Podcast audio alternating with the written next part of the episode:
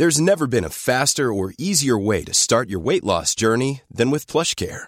PlushCare accepts most insurance plans and gives you online access to board-certified physicians who can prescribe FDA-approved weight loss medications like Wigovi and Zepbound for those who qualify. Take charge of your health and speak with a board-certified physician about a weight loss plan that's right for you. Get started today at plushcare.com slash weight loss. That's plushcare.com slash weight loss. plushcare.com slash weight loss. Tony Media. Het is oorlog in Europa. Gaan we allemaal dood in een kernoorlog? Nee, ik denk het niet. Gaat de oorlog de wereld veranderen? Dat weet ik zeker. In samenwerking met Dagblad Trouw probeer ik met deze podcast grip te krijgen op de oorlog. Hier houd ik je wekelijks op de hoogte van de situatie in Oekraïne en Rusland. Ik las een stuk op de Amerikaanse journalistieke site Axios. En die site meldde dat de Verenigde Staten een aantal 150 mm granaten... die eigenlijk naar Oekraïne zouden worden geleverd, naar Israël gingen. Het zou gaan om enkele tienduizenden granaten, dus ja, dat is best substantieel.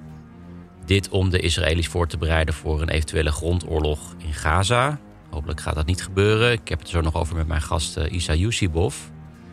En zo zie je eigenlijk dat die conflicten in Israël en Oekraïne in elkaar grijpen. En ja, de verwachting is dat dat nog wel vaker zal gebeuren dit najaar. Wat die oorlog in Oekraïne er waarschijnlijk niet makkelijker op maakt. En dit is wat er gebeurde in week 35 van het tweede jaar van de oorlog.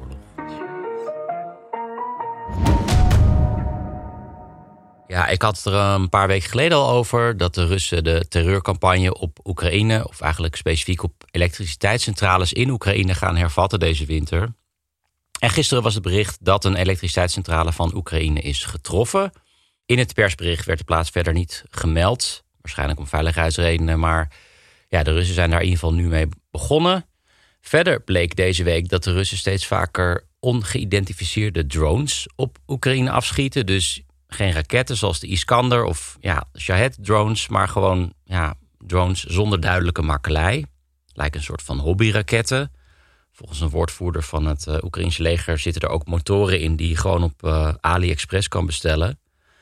Maar even goed natuurlijk met een paar kilo explosieven erin en dus gevaarlijk. En moeten de Oekraïners dus dure anti-luchtmunitie gebruiken om die uh, drones neer te halen. En aan het front afgelopen week zijn er twee hotspots te identificeren. Zowel de Oekraïners als de Russen lijken in de aanval te gaan op twee verschillende plekken. En beide lijken eigenlijk een uh, ja, overwinning voor de komst uh, van de winter binnen te willen slepen. Laten we beginnen met Oekraïne. Zoals gebruikelijk is dat offensief in nevelen gehuld. Ja, ik ben daarvan in grote mate afhankelijk van nieuws van Russische militaire bloggers. Die melden in ieder geval dat er aanhoudend aanvallen van de Oekraïners plaatsvinden aan de oostoever van de rivier de Dnieper in de buurt van Gerson.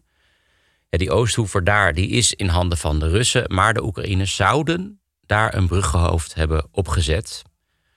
De schaal van die aanval is echt volstrekt onduidelijk. Misschien is het wel echt een grote aanval, met als doel de Russen uit de buurt van Gerson weg te jagen. Een stad die eigenlijk vrijwel elke dag wordt beschoten. Maar het kan ook zijn dat dit allemaal gebeurt om de Russen af te leiden en soldaten weg te trekken uit Avdiivka. Want in die stad, Avdiivka, daar zijn de Russen al een paar weken bezig om uh, ja, die stad in te nemen. Er wordt momenteel hevig gevochten om een heuvel met ja, afval van een hoogoven. En die heuvel die steekt boven dat laagland uit. Dus dat is militair interessant om uh, ja, hogerop te zitten. Dan heb je meer, uh, meer bereik. En de verslagen die ik daar vandaan zie komen, die zijn echt totaal apocalyptisch. Want ja, er belanden daar granaten op die kolenresten. Het is echt een soort van hel in een stad die sowieso al sinds 2015 een uh, ruïne is. En het lijkt er steeds meer op dat deze stad ja, een beetje het nieuwe Bachmoed van de Russen is. En dat zij ook hier een symbolische overwinning willen. Net als in Bachmoed ten koste van duizenden levens. Volgens sommige bronnen zijn er in de hele oorlog nog niet zulke zware verliezen geweest voor de Russen. Als je kijkt naar de ja, dagelijkse aantallen doden, dat zijn er echt ja, duizend plus per dag. Maar ook heel veel tanks die worden vernietigd van de Russen en ander zwaar materieel. Er duiken ook hele maffe voertuigen op, zoals bijvoorbeeld een BTR-50. Dat is een panzervoertuig die stamt uit 1954. Nou, die biedt niet heel erg veel bescherming voor de passagiers. Maar het is te makkelijk om de aanval van de Russen af te schrijven als een mislukking. En ja, wat gerommel op een vijandershoop met de panzervoertuigen uit de jaren 50. Want ja, die Russen die blijven soldaten in de strijd gooien, golf na golf. En de stad is van alle kanten omsingeld. Dus het is echt de vraag of de Oekraïners daar stand kunnen houden. Gaan we verder naar de Russische media.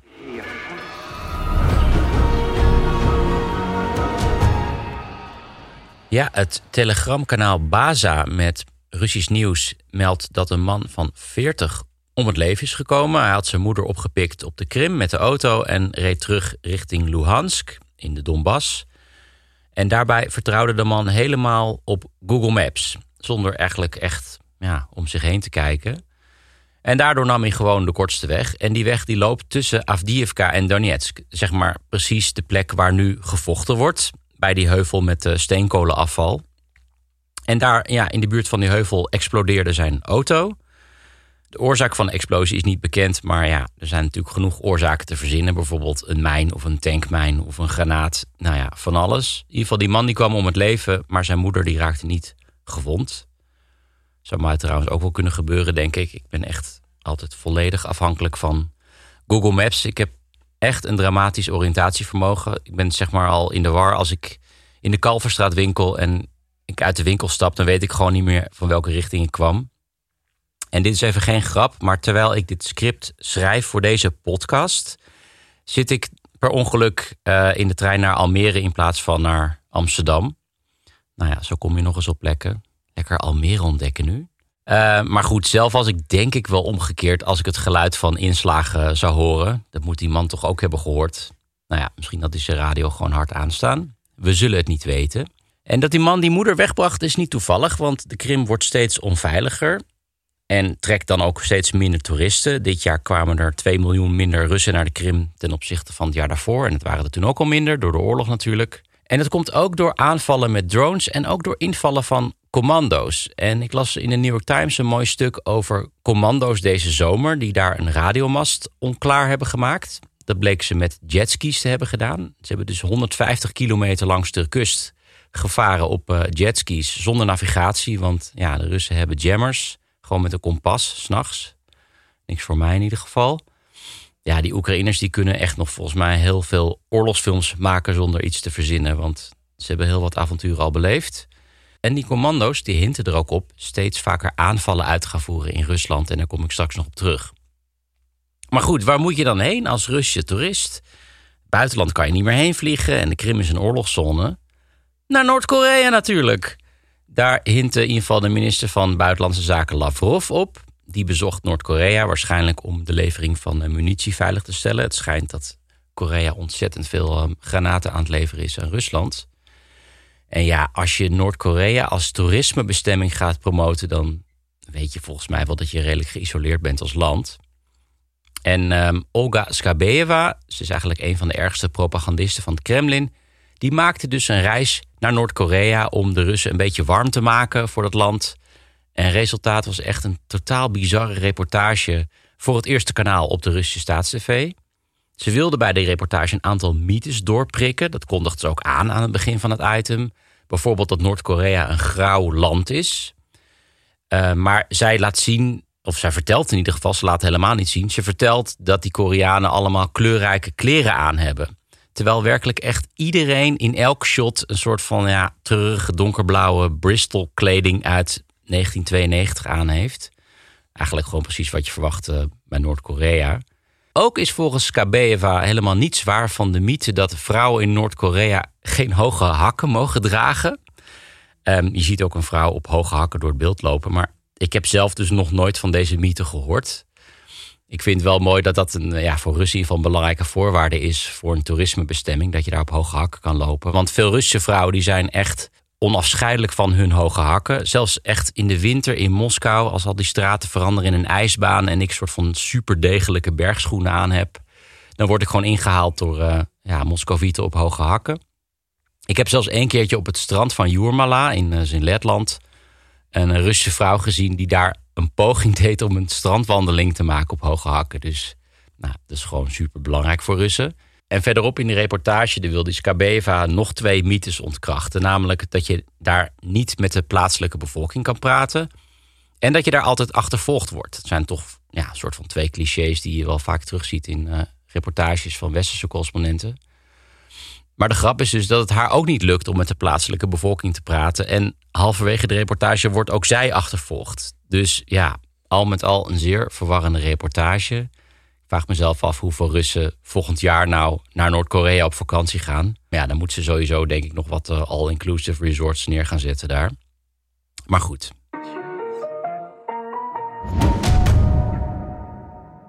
Ja, voordat ik verder ga, toen mijn dochter drie was, toen vroeg ze me: Ik heb een zomerjas voor de zomer en een winterjas voor de winter, maar wanneer is het nou eigenlijk spijker? Oftewel, wanneer doe ik nou mijn spijkerjas aan? Nou, dat vond ik dus echt extreem lief. En sindsdien noemen we thuis die, tussen, ja, die gekke tussenseizoenen, tussen de, tussen de zomer en de herfst en zo, die noemen we dan spijker. En nu het weer spijker is, weet je dat gekke tussenin weer, raad ik je truien aan met rits of sweaters met een halve rits of vesten aan. En die zijn allemaal afkomstig van onze sponsor. Ik geef je drie hints wat onze sponsor is. Luchtig, ademend en het is gemaakt van bamboe. Ja, je weet het natuurlijk. Het is Bamigo. Bamigo is het kledingmerk van de toekomst, want het is gemaakt van bamboe en dus beter voor het milieu. Jullie kennen ze van de onderkleding gemaakt van bamboe. Maar als je eens een kijkje neemt op de website van Bamigo, zie je dat ze eigenlijk veel meer verkopen dan dat. Loungewear, broeken en ook truien, gemaakt natuurlijk van bamboe. Of wat dacht je van een lekkere lange pyjama voor die koude nachten die eraan komen? Neem in ieder geval een kijkje op de website van Bamigo en ga je over tot bestelling, heb ik een kennismakingskorting voor de luisteraars van deze podcast. Je krijgt 25% korting op je eerste bestelling op bamigo.com met gebruikmaking van de kortingscode Jelle25. Oké, en dan nog even dit. In de zomer van 2022 werd op de grensovergang van Estland naar Rusland een eh, auto geïnspecteerd. En de passagiers van die auto die waren van plan om de grens naar Rusland over te steken. In de auto zaten een moeder met een dochter en een kat in een kattenkooitje. En het was midden in de oorlog, maar ja, die douaniers hadden weinig interesse in een moeder en een dochter. Laat staan dat ze even goed in dat kattenkooitje keken. Anders hadden ze gezien dat het kooitje een geheim compartiment had, waar een bom in zat die een maand later zou ontploffen in de auto van Daria Dugina. Dat is de dochter van de Kremlin-ideoloog Alexander Dugin, die eigenlijk het doel was van de aanslag.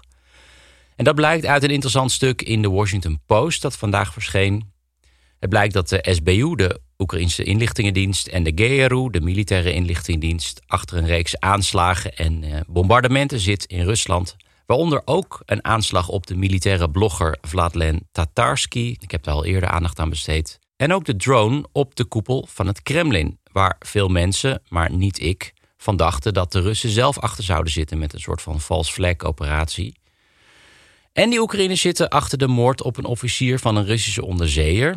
Ja, die onderzeeër die schiet de hele tijd raketten af op Oekraïne. En die commandant was vermoord tijdens zijn hardlooprondje in de Russische stad Krasnodar.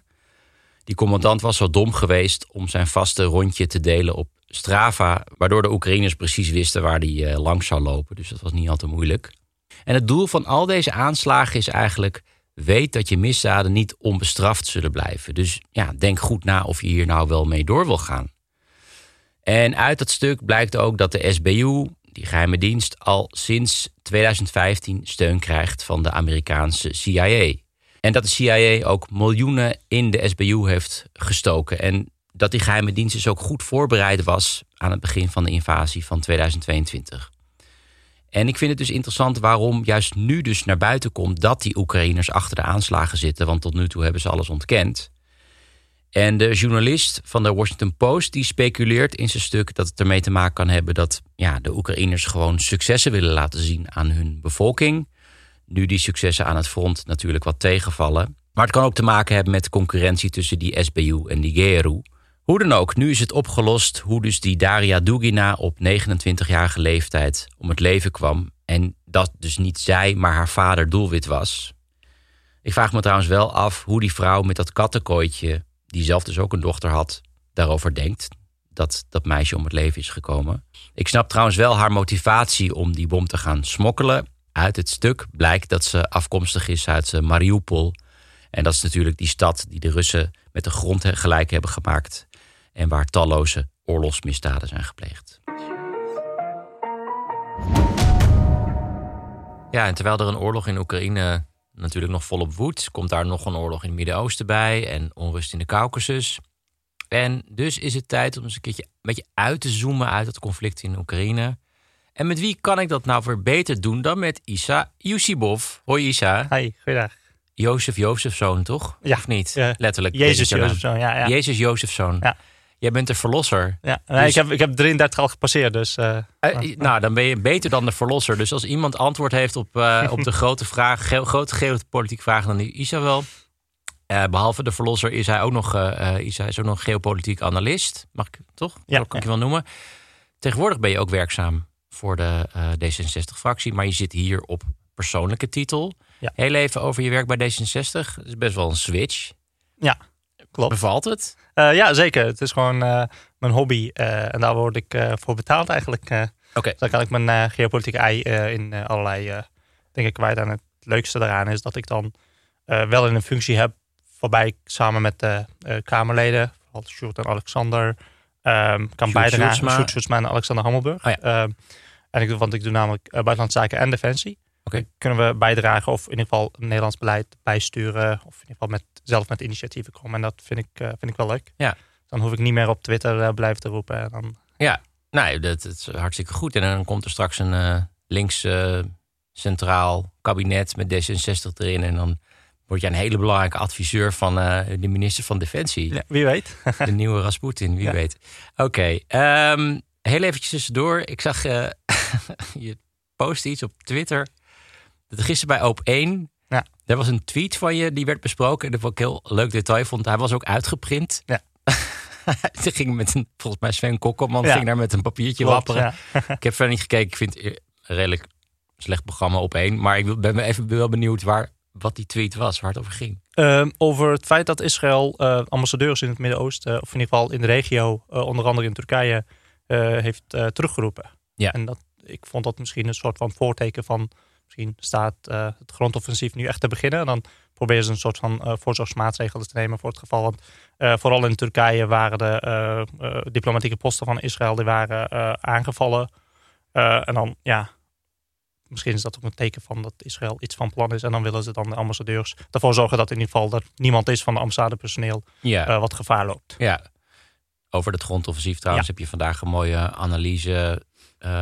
ook op Twitter las ik, nou, waarin je uitlichtte dat een grondoffensief eigenlijk een heel slecht idee is vanuit een militair standpunt sowieso. Eh, ja, dat is mijn indruk. Ja. Ja. Je weet dan natuurlijk nooit eh, hoe, het, eh, hoe het gaat uitpakken. Maar zoals het nu uitziet, denk ik dat dat veel meer, tot veel meer slachtoffers zal leiden. En of het probleem, hè, wat, wat Israël nu zegt, het vernietigen van Hamas, daarmee verwezenlijkt zal worden, dat durf ik niet te zeggen. Dat Ja. betwijfel ik enorm. Want ze hebben gewoon ook nog een gigantisch tunnelnetwerk er Ja. zitten. Dus het is extreem moeilijk om, Ja, om ja. echt uit te roeien. Ja, precies. Ja.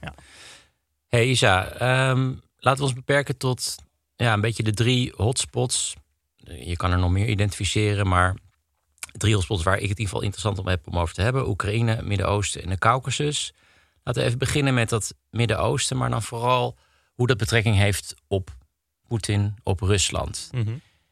Die situatie nu in het Midden-Oosten, is dat nou eigenlijk in het voordeel van Rusland of in het nadeel? Of maakt het eigenlijk helemaal niet zoveel uit voor die oorlog in Oekraïne? Eh, ik denk dat het wel in het voordeel is van, van Rusland om eh, twee redenen. Aan de ene kant eh, heeft Rusland redelijk goede banden met Israël, maar tegelijkertijd ook met Hamas. En ten tweede, het belangrijkste vind ik ook dat nu de aandacht verslapt is richting Oekraïne. Dat merken we ook in de, in de Tweede Kamer een beetje. Dat, voor, voor, bijvoorbeeld de, de, stemmingen van afgelopen week ging vooral over het conflict Israël en Palestina. Eh, en ja, dan, dan zie je dat, dat Kremlin ook een beetje baat heeft bij eh, allerlei eh, conflict situaties waar ook het Westen misschien betrokken gaat worden. En dat, de aandacht niet meer bij Oekraïne ligt, maar ook nu vooral gesproken wordt over Israël en Palestina. En gezien het feit dat, wat ik al zei, hè, dat Rusland daar ook direct bij betrokken is Mm. in, de, in de bilaterale betrekkingen met beide partijen. ehm, hebben ze er baat bij dat dit gewoon verder escaleert. Maar oké, toen de aandacht wel op Oekraïne lag, had Ja. ik het idee dat ze er ook niet zoveel van aantrokken. Want ze gooiden even goed bommen op markten en, Ja. eh, waar burgers om het leven kwamen. Dus wat, wat voor voordeel hebben de Russen er nu precies aan als de aandacht helemaal inderdaad, daar ben ik wel met je eens, naar het Midden-Oosten gaat? Wat, voor tactische voordelen kunnen ze daar? Eh, bijvoorbeeld de, de Amerikanen hebben gezegd dat ze vooral eh, de munitie wat, eh, wat ze aan Oekraïne wilden geven, nu aan Israël gaan geven. En dat ook eh, qua, qua volume. De Biden, ik heb eh, de, de speech van Biden van eh, vannacht even beluisterd. En daar, daarin merk je ook dat, eh, dat het vooral ging over eh, het conflict in het Midden-Oosten en wat minder eh, over Oekraïne. En eh, in Kiev eh, zijn de wenk- wenkbrauwen ook een beetje aan het van ja, eh, wat betekent dat voor eh, het verloop van de oorlog? Hè? Als we dan minder munitie krijgen of als de wapens die dan Amerikanen ons beloven dat de richting Israël gaan. Want die hebben de, de munitie nodig, had ik ook in de analyse, want het is een urban warfare. Ja. Eh, die munitie eh, heeft Israël eh, eh, nodig. En dan, ja, wat gaat het dan betekenen voor het front in, in Oekraïne? Ik denk Ja. dat, ja. Helemaal als die oorlog in het Midden-Oosten wat langer gaat duren. Ja, ja, klopt. Want, want eigenlijk zit Amerika nu al een beetje aan de grens van wat het kan leveren aan Oekraïne. Ja. Europa hoort in te springen. Ze hebben ooit die 1 miljoen shells beloofd, maar er komt geloof ik niet zoveel Ja. van, van terecht. Ja. Eh, er komt een verkiezingsjaar aan in Amerika. Er is al druk op de eh, begroting naar, naar Oekraïne. En Ja. dan komt dit er nog bij. Ja. Het is een soort van perfect storm. Nee, precies. Eh, ik denk dat de Amerikanen dat wel aankunnen. Eh, omdat ze ja, het budget daar wel voor hebben. Alleen eh, de binnenlandse politieke situatie in Amerika is ook een beetje complex. Ook wat je zegt, hè, met de aankomende verkiezingen wordt Trump wel of niet herkozen en dergelijke. Eh, dan, dan moeten ze toch wel eh, prioriteiten gaan stellen. En ik denk dat eh, momenteel tenminste, ehm het is niet helemaal eh weggeëpt, de aandacht voor Oekraïne. Maar dat Israël nu ook wel eh, eh, ja, belangrijke positie inneemt in het buitenlandbeleid van Amerika. Dan, dan zie je ook eh, dat Blinken twee keer in Israël was. eh, Biden v- voor de tweede keer naar Oekraïne. Ook eh, zeg maar voor het eerst zonder Amerikaans leger. eh, zonder bescherming zeg maar naar een eh, oorlogsgebied. Dus dat, dat geeft ook wel aan hoe belangrijk de, de situatie is. En ik denk dat Amerika vooral baat heeft bij de-escalatie. Ja, En, en dat hebben ze ook bij, eh, zeg maar in hun eh, tour door het hele Midden-Oosten ook wel eh, eh, aangekaart bij Ja. eh, al die buurlanden. Maar kijken hoe dat, hoe dat gaat. dus eigenlijk de belangrijkste variabele is hier wel of niet een grondoorlog. Ja, En dat heeft ook de grootste gevolgen voor misschien wapenleveranties of hoe lang die oorlog gaat Ja. duren ehm, in, in, in het Midden-Oosten. ja. En een andere ge- mogelijk gevolg van die oorlog in het Midden-Oosten. Israël heeft zich tot nu toe heel ja, neutraal opgesteld eh, in het conflict eh, van, tussen Oekraïne en Rusland. Daar hebben we al eens eerder in de podcast ook aandacht aan besteed. Je merkt dat die Oekraïners heel erg proberen om ja, Israël zover te krijgen dat, zij, Ja. dat ze kant kiezen van Oekraïne. Ze, Ja. ze, ook, ze spreken ook echt ondubbelzinnig hun steun uit Mhm. voor, eh, voor de Israëli's. Zie jij dat nog gebeuren? Ehm, ik, denk, ik denk van niet. Eh, ik denk dat Israël nog steeds een beetje pragmatisch te werk gaat. Ook omdat eh, er heel veel Joden in, in Rusland wonen. Die, die krijgen dan problemen als eh, Israël op, op een gegeven moment een kant kiest. Dat, dat is niet alleen afhankelijk van Netanyahu, maar ik denk dat de vorige premier dat ook eh, zo verwoordde.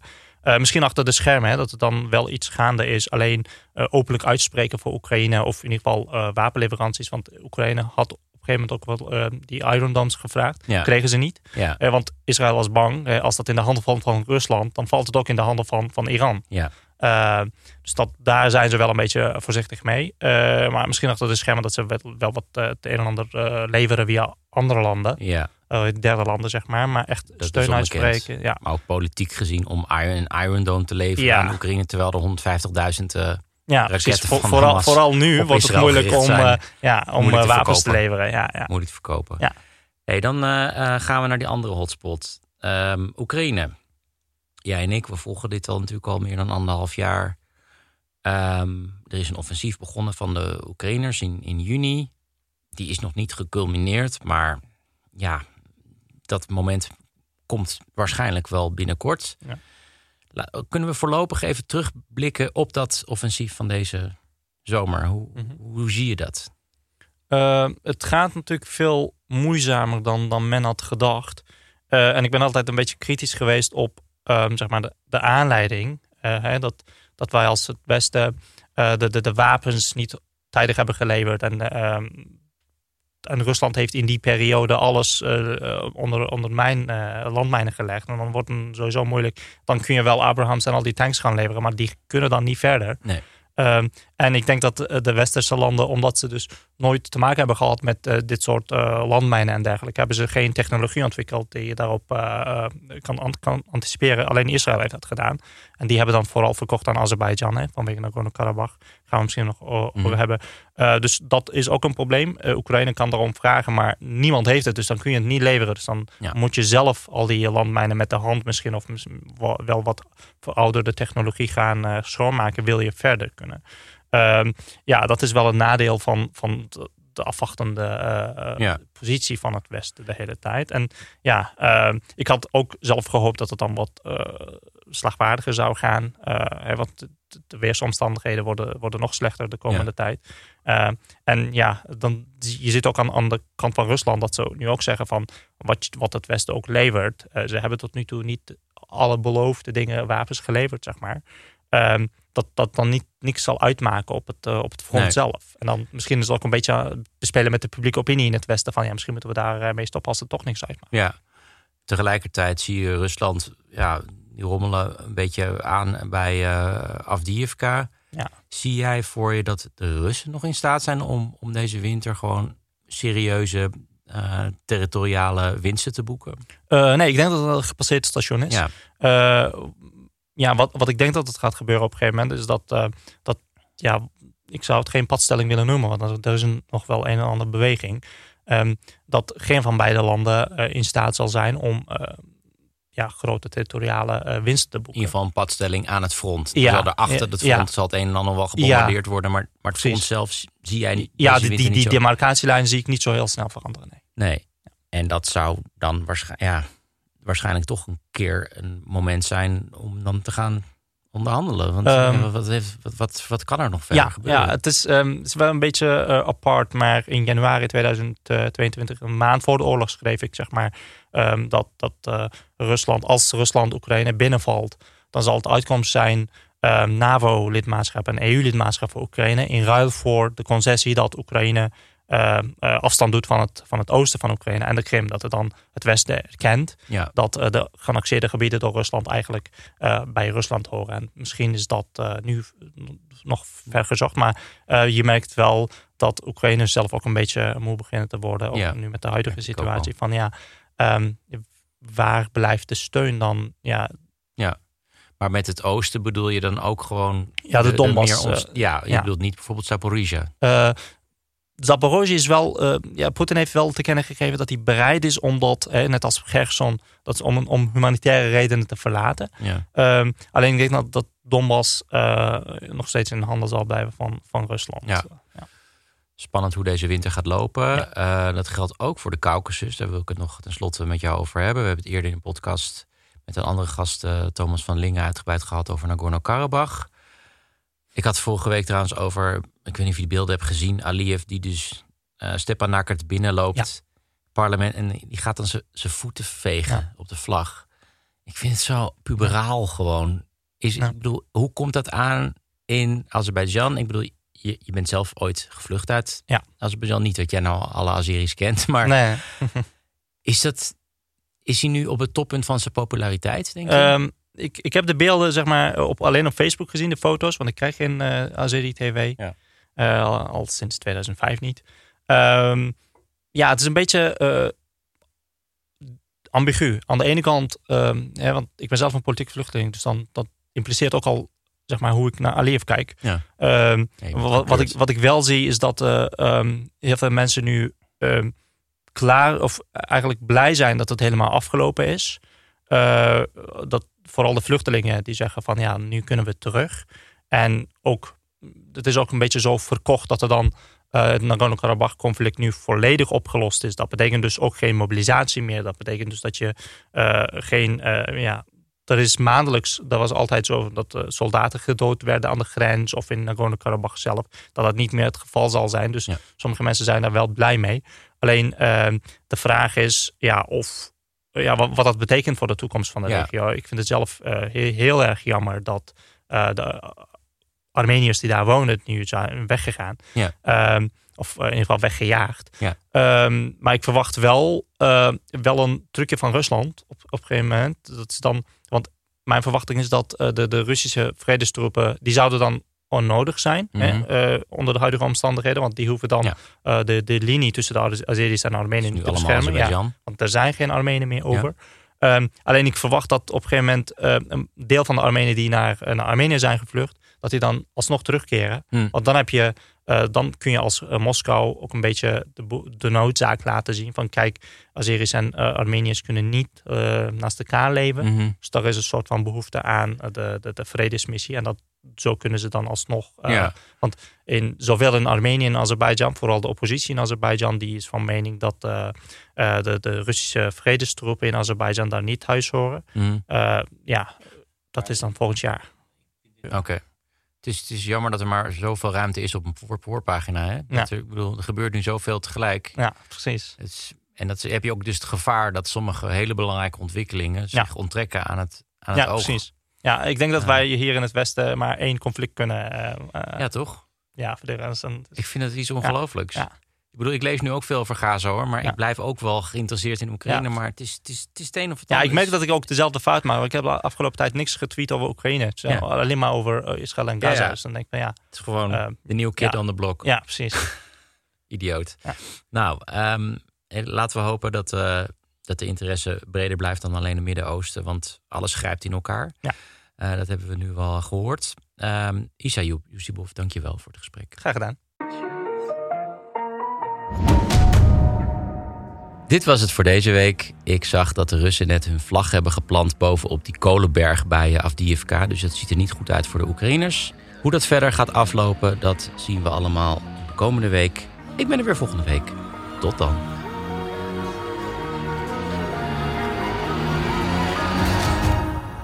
Dit was een productie van Tony Media en Dagblad Trouw. Voor meer verdieping ga naar trouw.nl. Ik heb geen idee waar je naar geluisterd hebt, maar misschien een goede tip om nog meer tijd te vermorsen. Luister eens een keer naar de Snopcast, waarin ik, Jort Kelder en mijn goede vriend Ivo van Rechteren Altena alles bespreken wat het leven draaglijk maakt zonder enig praktisch nut. Met uiterst overbodige snobjecten als ja, een machientje om je tandpasta uit te rollen, een ski natuurlijk van Bentley of een Kashmir springtouw. Jazeker, de Snopcast. Omdat je het waard bent.